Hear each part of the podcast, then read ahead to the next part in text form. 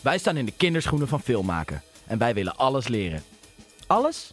Ja, alles. Filmmaken is een vak apart. Licht, geluid, camera, edit, acteren, produceren, regisseren en dat allemaal voor 90 minuten bewegend beeld.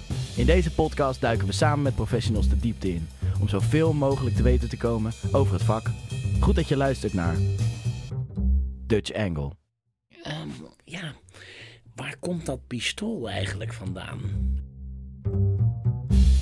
Frank Lammers is niet alleen acteur, maar ook regisseur. We praten met hem verder over regisseren, het van de grond krijgen van een film en de relatie tussen makers, het filmfonds en streamingsdiensten.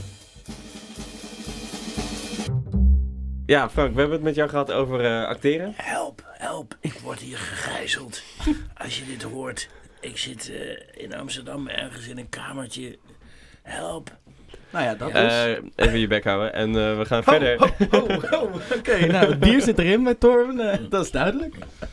Nee, we hebben het over het acteren.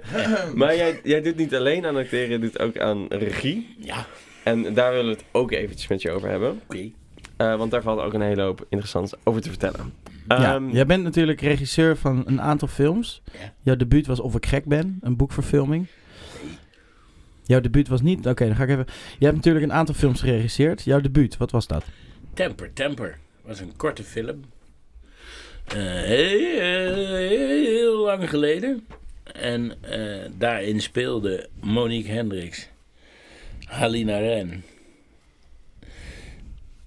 Joost Prinsen en wie was de vierde? Dat was Camilla Siegerts. Nou ja, daar zijn er toch. Halina en Monique kenden helemaal niemand nog toen.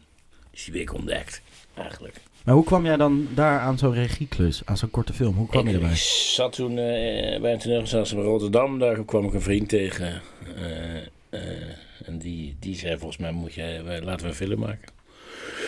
Dat was het debuut. En wanneer was dit ongeveer? Overval dingetje. Oké, kunnen we dit nog ergens zien? Ik heb hem thuis wel ergens nog op VHS liggen, denk Ah, ik. mooi. Oké. Nou ja, jouw grote echte... Nou, de grap was Nou. dus dat eh, bij die, dus die ging ik regisseren en eh, toen werd de camera gebracht, echt waar, door niemand minder dan Robbie Muller. Robbie Muller, zie ik jullie denken? Oh jongens, echt, moet je nog een operen. Robbie Muller was de cameraman van Wim Wenders, Paris, Texas. Ja, Dat ken ik. ja, Ja, die ken daar ik. de cameraman van. Oké, Eh. Vrij episch was dat. Die kwam En- de set op met de camera. Die kwam de camera brengen. Dat is Dus wij cool. stonden allemaal... Eh, Dat is een beetje in jullie geval het hoite hoite maar ineens binnenkomt Oh, lopen ja, om, je, ja. om jullie spullen te brengen, zeg maar. Dat, Dat zou best wel cool zijn. ja. Ja, best bijzonder. Eh, jouw eerste echte featurefilm, zoals dat allemaal heet. Of ik gek ben. Nee, dat is ook niet waar. Jezus Ik heb... eh, Laat me even, maar- laat me even een introductie doen, man. Nee, nee, nee. is niet nou, waar. jouw eerste Ja. echte featurefilm als regisseur. Nou, Nou, ja, oké, echte feature. ja, Dat is- jouw eerste niet echte featurefilm. Vertel. Ja. Of ik gek ben. Ik, Oh, werd, toch wel? ik werd gebeld door eh, eh, Mike Weerts. Die zei, ik heb een boek en wil ik verfilmen en ik wil de hoofdrol spelen. En ik denk dat jij het moet regisseren. En toen dacht ik, nou ja, als jij dat zegt, dan gaan we dat doen. Hij dacht, jij kan dat als best eh, waarnemen. Ja, waarom? Dat zou je aan hem moeten vragen. Maar Ja. ehm, toen eh, heb ik ook het script geschreven. Naar aanleiding van dat boek. En eh, toen zijn we naar het filmfonds gegaan en zo. Maar dat liep al vrij snel. Vond ik die gesprekken zo moeilijk dat ik eh, dacht, dat gaan we niet doen. Dus wat voor we- soort gesprek? Als regisseur moet je een film dus eigenlijk verkopen bij een filmfonds, toch? Om ja, geld op te die gaan halen. zich ermee bemoeien en daar kan ik nooit zo goed tegen. Op wat voor Want hoe, gaat niveau? zo, ja, want hoe gaat zo'n gesprek? Ben ik vooral benieuwd naar. Nou, bijvoorbeeld hadden we hier een gesprek over. Je hebt die film gezien. In die film eh, speelt Mike Weers een kunstenaar die, die eh, veraarst wordt door zijn vrienden. Eh, omdat ze hem een lul vinden. Hij is een arrogante kunstenaar geworden, een zakkenwasser. Dus ze besluiten hem een poets te bakken en eh zadelen hem op met eh, een claim dat hij iemand verkracht heeft. Dat hij, wat hij helemaal niet gedaan heeft. Dat kom je pas aan het eind van de film achter. Spoiler alert! Zo, weet je wel, ja. Maar, Ja, maar goed, deze film is toch al oud. Dus, Ja, en ehm, dan komt hij daar dus achter op dat moment dat hij gewoon vier jaar lang in de bak heeft gezeten omdat zijn vrienden hem een, loer hebben gedraaid. En dan dan krijgt hij wraakgedachtes. En eh, dan gaat hij kaart rennen. En dan heeft hij ineens een honkbalbed en een knuppel. En dan schiet hij die ene door zijn knie en die andere die slaat hij helemaal. En vervolgens zie je hem weer rennen. Dus je weet niet of dat nou echt gebeurd is. Of dat het in zijn hoofd zit. Of whatever. Dat, die vraag wil ik ook helemaal niet beantwoorden. En dan was de vraag die ik bij het filmfonds moest beantwoorden. Was ja, ehm, ja waar komt dat pistool eigenlijk vandaan? Het is een totaal irrelevante vraag. Nee, het is zelfs een hele domme vraag. Ja, want het Eh, gaat daar helemaal niet over. Nee, het gaat er niet over. Bovendien is dat dramaturgie uit de jaren 50. Want als je een pistool gebruikt, moet je meer eens laten zien. Nou ja, ik ben best wel beïnvloed, in ieder geval als maker, door, door de Indiase film. Omdat ik het geweldig vind dat die geen dramaturgie hebben, of geen westerse dramaturgie. Daar gebeurt gewoon van alles. Ja, daar gaat het van hot naar her. En opeens eh 40 Ja. auto's door de lucht. En die blijven ook 100 meter Ja, je zweven. weet niet precies en- waarom. En, eh, Ja, eh, precies. dat vind ik tot op zekere hoogte echt heel leuk. En zelfs dat had hier niks mee te maken. Het doet er namelijk helemaal niet toe. Het is namelijk waarschijnlijk een droom. Dus waar hij dat pistool vandaan heeft.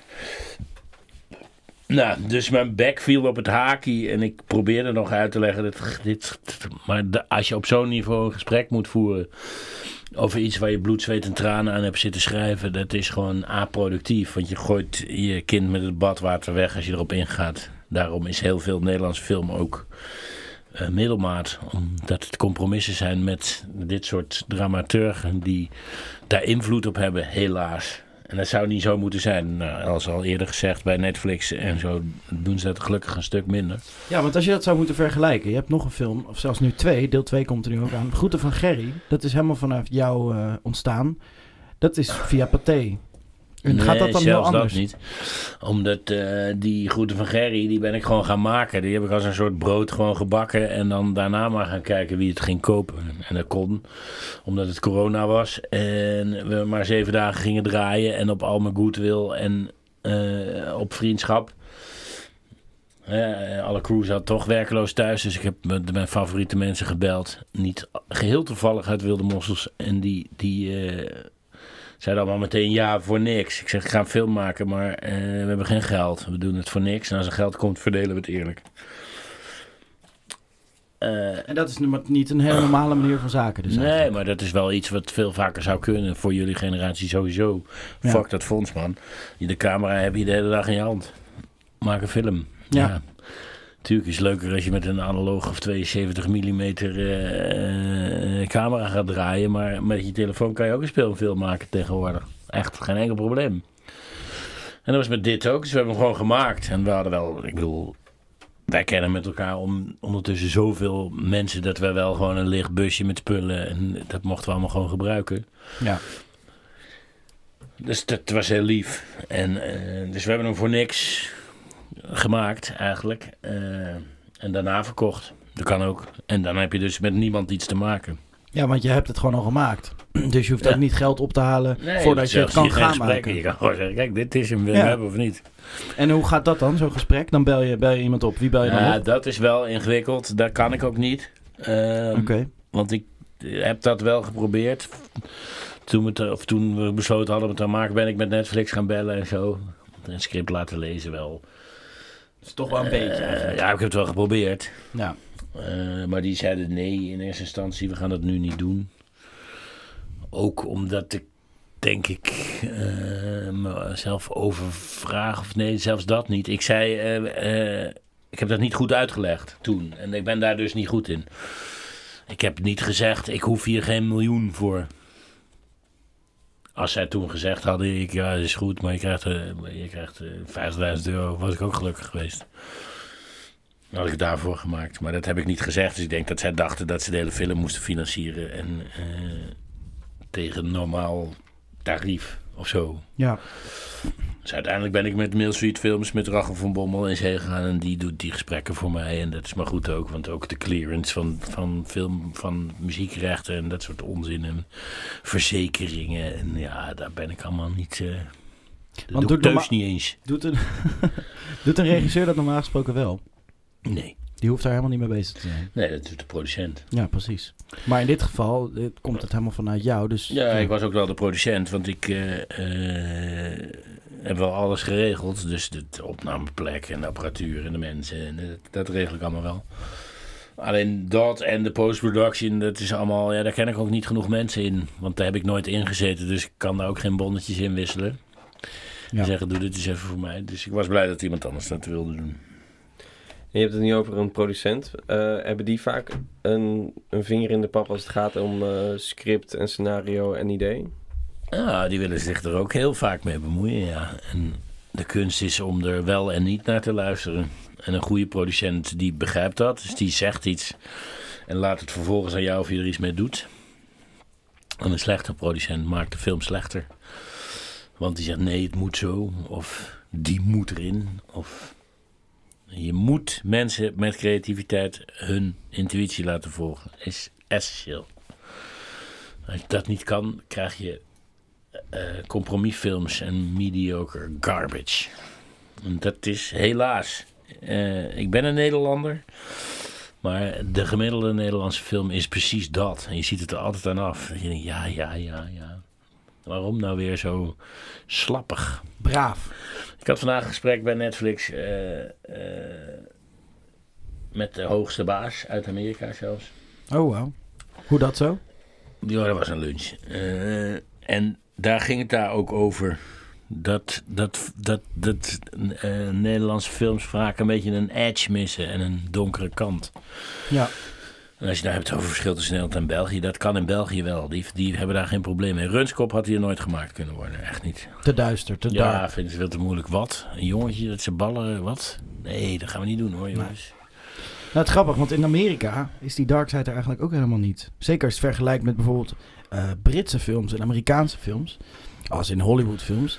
Britten, die durven wel veel meer. Die gaan veel sneller die dark side op. En Amerikanen eigenlijk helemaal niet. Er moet altijd een vrolijkheid in zitten en een good ending en even een happy ending en zo. Ja, met de grote blockbuster. En, en, maar goed, het hele systeem in Amerika is nog weer heel anders. Daar Ja. staat de regisseur op plek 5, geloof ik. Ja, want die staan Ja, er boven vier hem dan. producenten. Nou, producers, eh, de star of de show heeft Ja, echt? ook een hele enorme vinger in de pap. En, en, een, en vaak ook een, eh een editrecht. Dus die mag eh, de, de edit nog wijzigen. Echt waar? Ja, het zijn verbijsterend. Moet je maar Roel René vragen, zie ik hier. Die kan je er alles over vertellen. Het, gewoon, het komt er gewoon, eh, de hoofdrolspeler er zitten niet genoeg close-ups van in. Echt waar? Ja, dus die moeten erin. Maar wat voor soort acteurs, waar, waar moet ik dan aan denken? Wie zijn dit? Ja, gewoon de betere B. eh, de Steven Seagals van deze samenleving. Nicolas Cage. Nou, dat weet ik niet. Nee, echt, echt gewoon de, de rappers en dat soort... Ah ja, ja. De ja. Die om de verkeerde reden film maken eigenlijk. Ja, de ijdel. Ja, kan je ook niet... uit ijdelheid. ja. Dus dat. eh, ik ga nooit meer naar dat filmfonds. Niet, zoals, niet zolang het is zoals het nu is. Dit ga ik gewoon nooit meer doen. Het heeft me echt energie uit me gezogen. En alle lust om film te maken weg. eh, ik doe het niet meer. Maar de meeste films in Nederland worden wel met het filmfonds gemaakt. Ja, er was heel lang geen andere mogelijkheid. Maar nu met die streamingplatforms hoop ik dat zij ook zien dat ze moeten buigen. Ze Ja. moeten buigen. Ze moeten het veranderen. Want ze lopen achter de feiten aan. En je begint het echt ook te voelen en te zien. Ik bedoel, ja. En de meeste films die er dus gemaakt zijn in Nederland, daar zijn de makers ervan dus wel, eh, hebben die gesprekken gevoerd. Ja, maar het, En- is, ja, het is zinloos geweld. Want Dat het duurt dus wel- vier, vijf jaar voordat je je script mag maken. Erik de Bruin had in Wilde vier, Mossels... ja, man. voordat het... Ja, Voordat je, Erik de Bruin had in Wilde Mossels. Zit die scène dat die rozenblaadjes naar beneden komen. Vier, vijf jaar. In American Beauty komen die blaadjes naar beneden. Ja? Mhm. Ja. Oh, dat was sensationeel. Erik de Bruin heeft dat echt ver daarvoor al bedacht. Mhm. Maar doordat die, dat fuck-klimaat zo lang duurde dat die film pas na, na een paar jaar goedgekeurd werd en eh, dat hij het eindelijk eens mocht gaan maken, liep dat alweer achter de feiten aan. Dus in, in die zin is Erik de Bruin een filmvernieuwer. Eh, niet alleen daardoor, maar ook door cameragebruik en de dingen die hij verzonnen heeft en zo. Maar omdat hij altijd moet wachten tot, totdat zijn script een keer goed. En daarna heeft hij nooit meer iets mogen maken, want dat, is- dat vonden ze altijd te moeilijk. Of te, ja, dat is verbijsterend, jongens. Dat, is, dat moet... Die mensen moeten weg.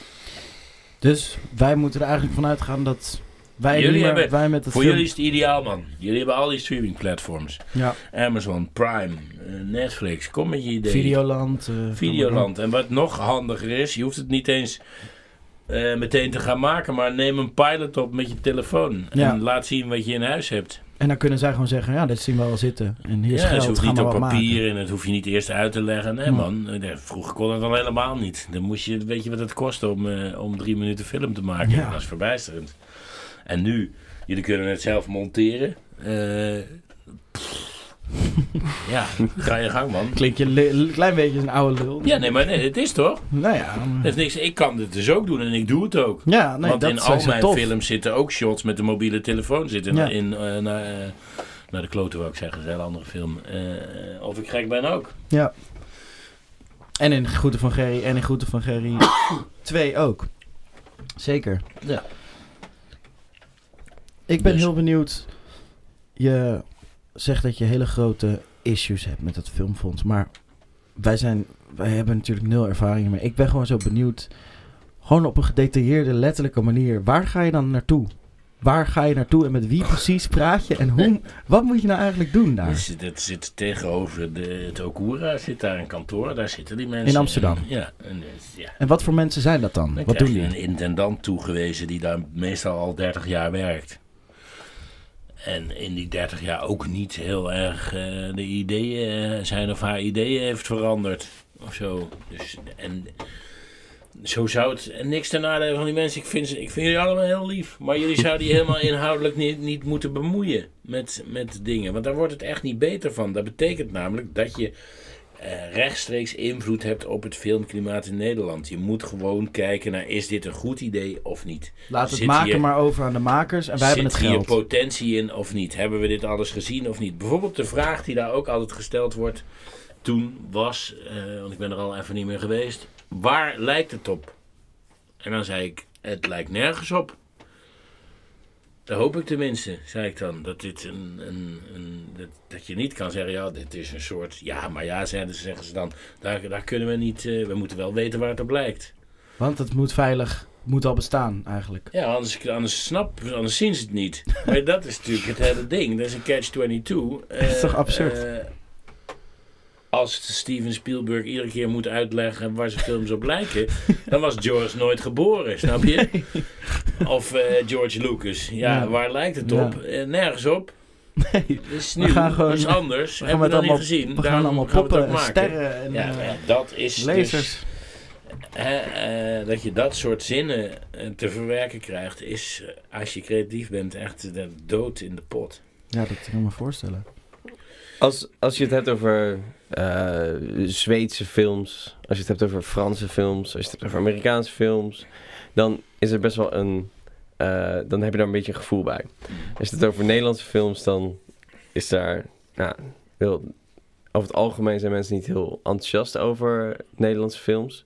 Maar er is ook niet echt een gevoel bij wat het nou is, behalve bij de populaire films, misschien zoals Verliefd op Ibiza en dergelijke. Ehm, ik heb het gevoel dat dat, dat, dat moet gaan komen. Dat er, dat er een soort stijl moet gaan komen van... Oké, dit is nou een Nederlandse film. Heb jij daar een soort idee bij? Dat zou dus iets nieuws moeten zijn? Nee, kijk, laat ik even nog één ding voorop stellen, namelijk dat film in Nederland eigenlijk een veel te dure hobby is. Want onze afzetmarkt was veel te klein. Eh, er zijn 17 miljoen Nederlanders en 3 miljoen Belgen die er naar kunnen. Of eh, wat zijn het 11 miljoen Belgen, zijn 28 miljoen mensen. Nou ja, daarvan eh, gaan er misschien 2 miljoen wel eens naar de film. En eh, dat is, dat kun je gewoon uitrekenen. Stel dat die allemaal naar je film gaan, dan eh, oké, kun je geld verdienen. Maar dat is niet zo. Dus als je in Nederland echt veel bezoekers hebt, heb je 500.000 bezoekers. Stel dat die een tientje betalen. Dan is de opbrengst van die film is 5 miljoen. Nou, daar moet een gedeelte van naar de bioscoop. Een heel groot Namelijk gedeelte. 60%, 70%. Dus dan hou je nog 2 miljoen over. Eh eh daar moet een gedeelte van naar de distributeur. Nou, weer ook 10%. Dus dan hou je nog anderhalf miljoen over. Eh, ja, daar kun je al geen film maken. Dus slag om de schelde, 17 miljoen. Met alle respect, verdien je nooit en ten nimmer terug in Nederland. Waarom Dus is die dan toch gemaakt? het is een te dure hobby. Nou ja, omdat tegenwoordig heb je iets meer mogelijkheden. Hè? Je kunt ze verkopen aan streamingplatformen en zo. Daar, daar krijg je gewoon geld voor. Eh, en die zetten het dan naar het buitenland. Vroeger moest je hopen dat je aan het buitenland verkocht kon worden. Zo kon je geld verdienen. Dus dat, dat is één. Eigenlijk kan het helemaal niet wat we doen. Het is net als opera, is veel te duur. Ja, dus het is een hobby. En eh, je moet vooral niet denken dat je er geld mee kan verdienen. Dus ook als je de film in gaat in Nederland om geld te verdienen, forget it. En zeker acteurs vergeten dat wel eens. Die gaan dan heel veel geld vragen. Het is er niet. Echt, kijk een keer naar een budget en je weet het is er niet. Het is te duur. Een gemiddelde draaidag kost 30, 40.000 euro. Ja, dan heb je iedereen redelijk betaald. Ja, dit, dat, waar moet je dat vandaan halen? Dat, dat verdien je nooit meer terug. Het slaat ook nergens op dat wij films maken. Oké, dus of... Nu, Ja. nu eh, met die streamingsdiensten, is het weer anders. Dat is te gek daarvan. Want die zetten die film gewoon in al die landen weg. En daarvoor krijg je ook budget om iets te maken. Ja, super. Maar dan moeten dus wel eh, mensen in andere landen Ja. zin hebben om te kijken naar, naar onze taal. Ja, maar daar hadden we het vandaag toevallig ook over. En dat, dat, eh, dat authentieke en pure vinden mensen in andere landen echt wel, wel mooi om te zien. Ja, dat denk ik ook wel. Maar dan moet er dus wel iets authentieks en puurs gemaakt worden ook. Ah ja, dat, ik ben het helemaal met je eens. Ja. Ja. Nou ja, bij de streamingsdiensten zitten ze daar heel erg op te wachten. En bij de eh, fondsen eh, neem ik aan dat ze eh, dat licht gaan zien binnenkort. Dat zou Ja. wel moeten, toch? Want waarom zou er iemand ooit nog naar een fonds gaan dan? Ja, omdat het een manier is om geld te krijgen. De makkelijk, of ja, een van de manieren is om geld te krijgen. Ja. Ja. Het is niet... Ja, ik weet Dit is geen heel hoopgevend verhaal. Nee, zo bedoel is je. het niet heel Jawel, duidelijk. dat is het wel. Want je kan naar Amazon, je kan naar Prime. Ja, Of ja, je kan ja. het, zoals ik net zeg, gewoon maken. Eh, Of Ja. je kan een deel maken en dat laten zien. Er zijn veel meer mogelijkheden dan vroeger. En ik zat ook te denken aan die Hollandse stijl. En net het over dat, dat sommetje dat je moet maken. Dus je kan maximaal, eh, laten we zeggen, eh 300.000 euro uitgeven aan een film. Ja, is dat- ja, maar daar kun je geen film van maken. Daar kan je geen film van maken. Nee. Dus dat is oké, dat is gewoon no-go. Ja, dat kan wel. eh, goed voor Gerry. En dat is Ja. hartstikke leuk. Maar dat is geen cinema. Nee. Ja, Het is Dus ja, ja, entertainment. Eh, ja. zeker als je echt iets met vergen zegt. Of je wil nog eens naar het buitenland of whatever. Weet ik veel. Ja, dag. Dat gaat gewoon niet. Ja. Dat kan niet. Dus een film kost, of ik gek ben, was 1,1 miljoen, geloof ik. Dan hadden we twee, drie locaties. En waar heb je dit geld dan uiteindelijk vandaan gehaald? Of jij? En Tove, ja, vertel eens. Hoe ging dat dan? dat weet ik niet meer. Van Plant C, dat is een cultuurfonds in Brabant, hebben we geloof ik drie ton gekregen. Oké. En dan op een gegeven moment moet het suppletiefonds ook mee. Wat is dat? Het suppletiefonds is eh, als je subsidie hebt gekregen. Mhm. En daaraan eh, heb je aan alle voorwaarden voldaan, zeg maar. Dan, dan zijn ze verplicht om eh, nog een percentage daarbovenop te geven. Het is een heel raar principe, maar... ja, een beetje. Oké. eh, dus als jij in staat bent om geld te verzamelen, dan verplichten zij zichzelf om eh, boven een bepaald bedrag dat je, dat, je, dat je dan toch van hun ook nog wat krijgt. Dus dat hebben ze toen met pijn en moeite toch af moeten staan. En daarvoor heb ik dan moeten zien dat toch voor die film het, de banner van het filmfonds eh, kwam. Oh, dat de suppletiefonds is van het filmfonds. Oh, is dat die regel dat als je het in Nederland uitgeeft, dat het dan... Dat er dan Nee, het heeft iets te maken met dat je al subsidie hebt en dan krijg je er nog. Ik weet, kijk, dat. Ik ben ook niet. Ik ben Nee, daar niet geschikt voor. Nee. Ik, moet, ik moet maken en dat is het andere probleem. Die, die regisseurs eh, die worden allemaal maar tot het ergste getergd om daar hun verhaal uit te komen leggen. Terwijl die eigenlijk hun tijd aan andere dingen zouden moeten besteden dan zich daar druk over te maken. Dus dat, dat moet een producent doen. En het is over het algemeen ook wel zo. Dus ik, daar ben ik te verkeerd. Dan moet je een producent uitnodigen. Die kan je daar alles over vertellen. Eh, ik ken er genoeg. Maar ik vind het ook het minst interessante onderdeel. Daarom kan ik ook een film maken eh, gewoon zonder budget. Maakt mij ook niet uit. Ja. Ja. Ik wist niet eens wat het opgeleverd had, uiteindelijk. Geen idee. Ja. Ik, Nee, eh, nee, ik ja. heb wel een paar ideeën liggen om films te maken. Ja. Eh, en wat, eh, wat zou je advies zijn? Pitch is een idee. Ja. Wat is jouw... Je bent bezig met een film. Waar gaat die ook weer over? Ik ben bezig met een film over een Nederlandse bankier. Die komt erachter dat binnen 15 jaar eh, Nederland helaas onder water komt te staan. Dat heeft hij uitgerekend. Ehm, hij werkt bij een bank, een familiebank, en die hebben heel veel bezit, heel veel eh, grond en panden. En hij bedenkt een mooi plan om alles onder NAP te verkopen en alles boven NAP te kopen en daar dus heel erg rijk mee te worden. Omdat hij dus weet, ja. Daar gaat het over. Zijn vader is het daar niet zo mee eens en het gaat over de, het conflict van hun ideeën. Dat is iets waar ik mee bezig ben. Dat wil ik graag. Hoe is vraag 1? Hoezo rekent een bank hier uit dat het onder water komt te staan? Sorry, praat ik hier met het filmfonds? Nee, dat is gewoon een, een legitieme vraag. Nee. Oh, dat zeker. is een hele goede vraag. Eh, ja, god. Wil je, wil je het weten? Omdat eh, Ja. vroeger, eh, voordat we in deze neoliberale samenleving leefden... Kutsamenleving. Ja, die. eh, werkten eh, slimme mensen bij ingenieursbedrijven. En die rekenen dingen uit zoals dijken en dijkverstevigingen. Ja. En tegenwoordig eh, heb je mensen die heel slim zijn, die werken bij banken. Dat vind ik een goed antwoord. Nou ja, hoe ver ben je? Er ligt een versie van een script. Nou ja, dat kun je aan mensen laten lezen. Aan mij of aan een producent. Of, En op het moment dat jij denkt, eh, dit is ver genoeg, eh, ga je of naar het filmfonds of naar, eh, naar Netflix. En je stuurt het op en je zegt, wil je dit lezen? En dan gaan ze het lezen en als ze het interessant vinden, dan... dan Dus op het moment dat je het script hebt, kan je het gewoon al naar Netflix sturen. ja, ik zou dat niet op die manier doen. Want dat is wat iedereen doet. Ja. Dus Hoe zou ik, jij het dan wel Ik doen? zou in jouw geval gewoon eh, misschien wel een trailer maken. Eh, zoals ik voor het boek van je, van je moeder eh, ook een trailer heb gemaakt met filmbeelden. Van ja, nou ja, why not? Weet je wel? Dat bestaat allemaal niet. Je hoeft niet de hele film te schieten. Maar je kan wel een trailer schieten. Ja. Waarin je gewoon de, de essentie, eh, eh, en van mijn part, als er een car crash in zit, jat je die uit een andere film en, en edit je die ook bij elkaar. Maar dat zijn allemaal dingen die konden vroeger niet. Dus gebruik je creativiteit. Waarin je laat zien dat je niet de zoveelste bent met een idee, maar dat je iemand bent met en een script en een visuele eh, eh, kracht. Eh, dat je weet hoe je iets moet vertellen. Ik zou een pakketje maken. En dus Zorgen niet naar het dat filmfonds. Nou Niet ja, naar het waarom filmfonds. niet? Je kan het altijd proberen. Als je gek wordt, loop je weer weg, toch? Ja, dat is een goed punt. Ja. Wat Ja. denk je, Torben? Wat ga je doen? Ik ga een trailer maken. Ja, dat denk ik Ja, daar heb je in ieder geval plezier aan. Snap je? En dan hoef je echt, ga nou niet allemaal hele dure spullen daarvoor halen. Doe het met je fucking telefoon. Stop er geen geld in, daar word je ongelukkig van. Ja. Ja.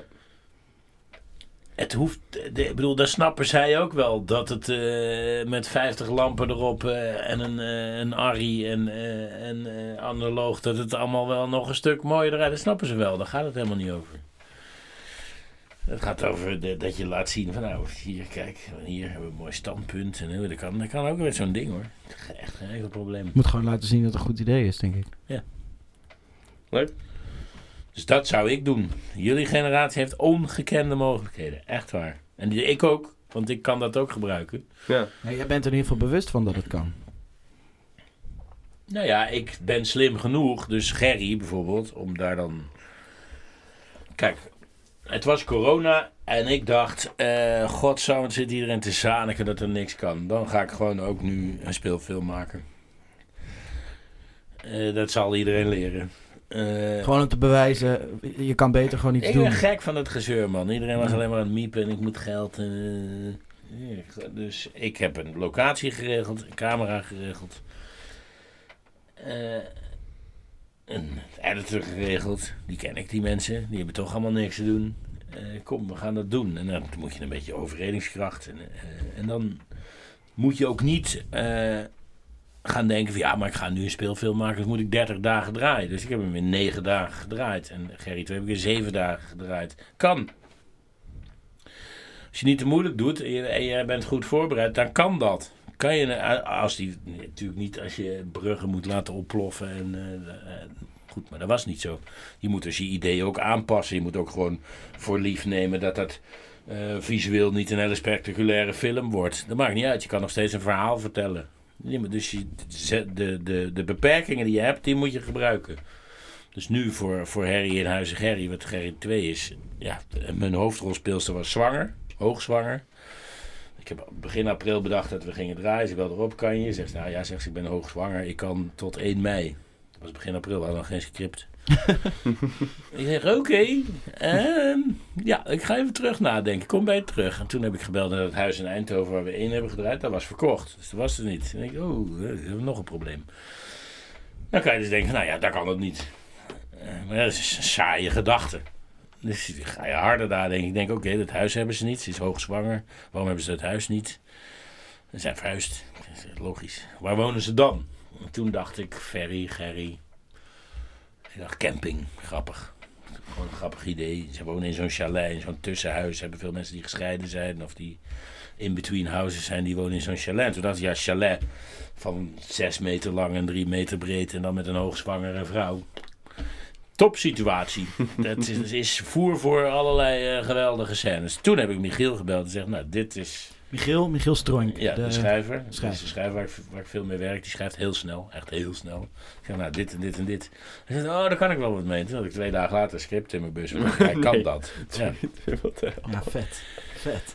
En dan zeg ik nog een paar dingen. En vijf dagen later nog een script. Dus ik bel Sanne terug. Ik zeg, we gaan het doen. Dan zegt ze, oké, ja, maar ik kan wel maar twee keer drie uur per dag. En dan moet ik tu- tussendoor twee uur liggen. Zeg, prima, gaan we doen. En als je moe bent, dan passen we de scène aan. En eh, dan leggen we je in een bed en dan filmen we het zo. Maakt niet uit, je bent hoogzwanger in de film. Dus daar houden we rekening mee. Ja. En daar moet je wel toe bereid zijn. En eh, heel veel mensen schrijven dan een script en denken, zo moet het. Eh, dat is nooit, dat is niet Ja, werkbaar. je, je gebruikt Ja, gewoon kan. de Met situatie. 50 miljoen kan dat. Ja. Dan kun je Ja. echt alles uitdenken en denken. En ik ga net zo lang door totdat ik heb wat ik...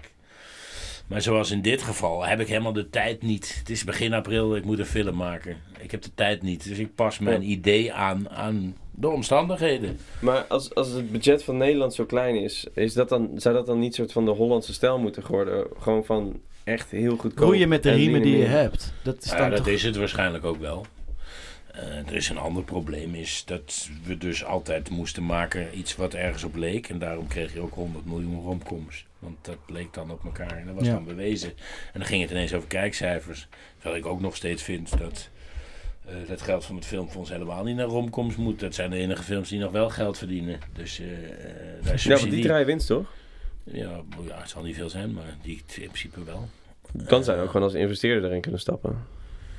Ja, die, dat bestaat ook. Dus die zijn, die zijn er. Dat zijn private... eh, private investors, die, investors. die ook eh, gewoon heel veel liefde voor film hebben. En voor romcoms. komen dan... eh, nou ja, maakt er niet uit. Heel nee. voor film. Voor, en nee, deze een die heet Frans, die is fantastisch, een hele lieve man. En die, die, die, die, is- die heeft geïnvesteerd in Michiel de Ruiter en een zwart boek. En dan komt hij figureren één dagje en dat is zijn plezier. En daarvoor stopt hij eh, geld in de film. Ja, die mensen heb je, die moet je mooi. leren kennen. Die moet je denk ik wel eh, koesteren, denk ik. Eh, maar een goed idee, en dat is het enige wat ik echt tegen je kan zeggen, komt altijd bovendrijven. En eh, ja, daar moet je dan misschien geduld mee hebben. Maar ja, kijk, de kans, eh, en dat is een beetje jouw probleem, want hoeveel dingen heb je gemaakt? ja, eh, bar weinig. Dus waarschijnlijk is een speelfilm in jouw geval eh, wel heel hoog gegrepen. Want wie, Nee. wie, gaat, wie gaat tegen jou zeggen, tuurlijk. Dus ik zou in jouw geval nou, zeker zo'n trailer eens proberen te maken en een kortere film. Eh, Was het was idee niet sowieso een korte film? Nee, voor nu was het een korte het was film. een korte ja. film. eh. Maar het is wel vanaf moment één duidelijk geworden dat we, dit, dat, dat we hiermee bezig waren. Dat het eigenlijk 90 minuten zou moeten zijn. Ja. Voor dit verhaal. zo klinkt het wel. namelijk. Ja, zeker. Dan gaat maar, het ook overstromen. Nou, nee, dus in, in, ieder geval- Godverdomme duur. in, de, Kunnen wij niet. in de korte film... Gebruiken we eh, gewoon allemaal beelden uit de helft van 63. Dat wordt wel een Of stuk welke film hè? is dat? nee, niet de helft van 63. de helft van Hoe heet die film waar alles overstroomt? Het, over- het, eh, de, wereld, de wereld warmt op. Ja, en Nederland bevriest. dat is het, dat is het. Dus ja, eh, start working, man. Alright, I'll start working. Ja, dit, is, eh, dit zijn interessante dingen. Dit is eh, blijkbaar dit is een beetje jouw kijk, denk ik, op eh, vandaag. vandaag de dag. Mooi wel. Morgen is het weer helemaal anders. Oh, dan zien we je morgen weer, denk ik. Ja, dat is gezellig. Tor, heb je nog vragen? Nou, ik vond het eigenlijk wel... Ik, ik heb echt het gevoel dat dit echt een bonus-episode wordt. Ik ook. Ik, heb, van, eh, hey, ik vind jongens, het leuk. Er is nog een biertje, er is een biertje ingegaan Ja. en eh, we hebben nog even wat doorgeluld. Ik vind het heel leuk. Dus dat is gewoon even... eh, iedereen kon even wat kwijt. En wat vragen stellen. Het ging van hond naar... Waarom moest het naakt? Want dat begrijp ik nog steeds Ja. niet. Ehm, dat leggen we weer uit, maar dan zet ik hem eerst even uit. Oké, Alright. Joejoe. dag allemaal. Bye. Auw!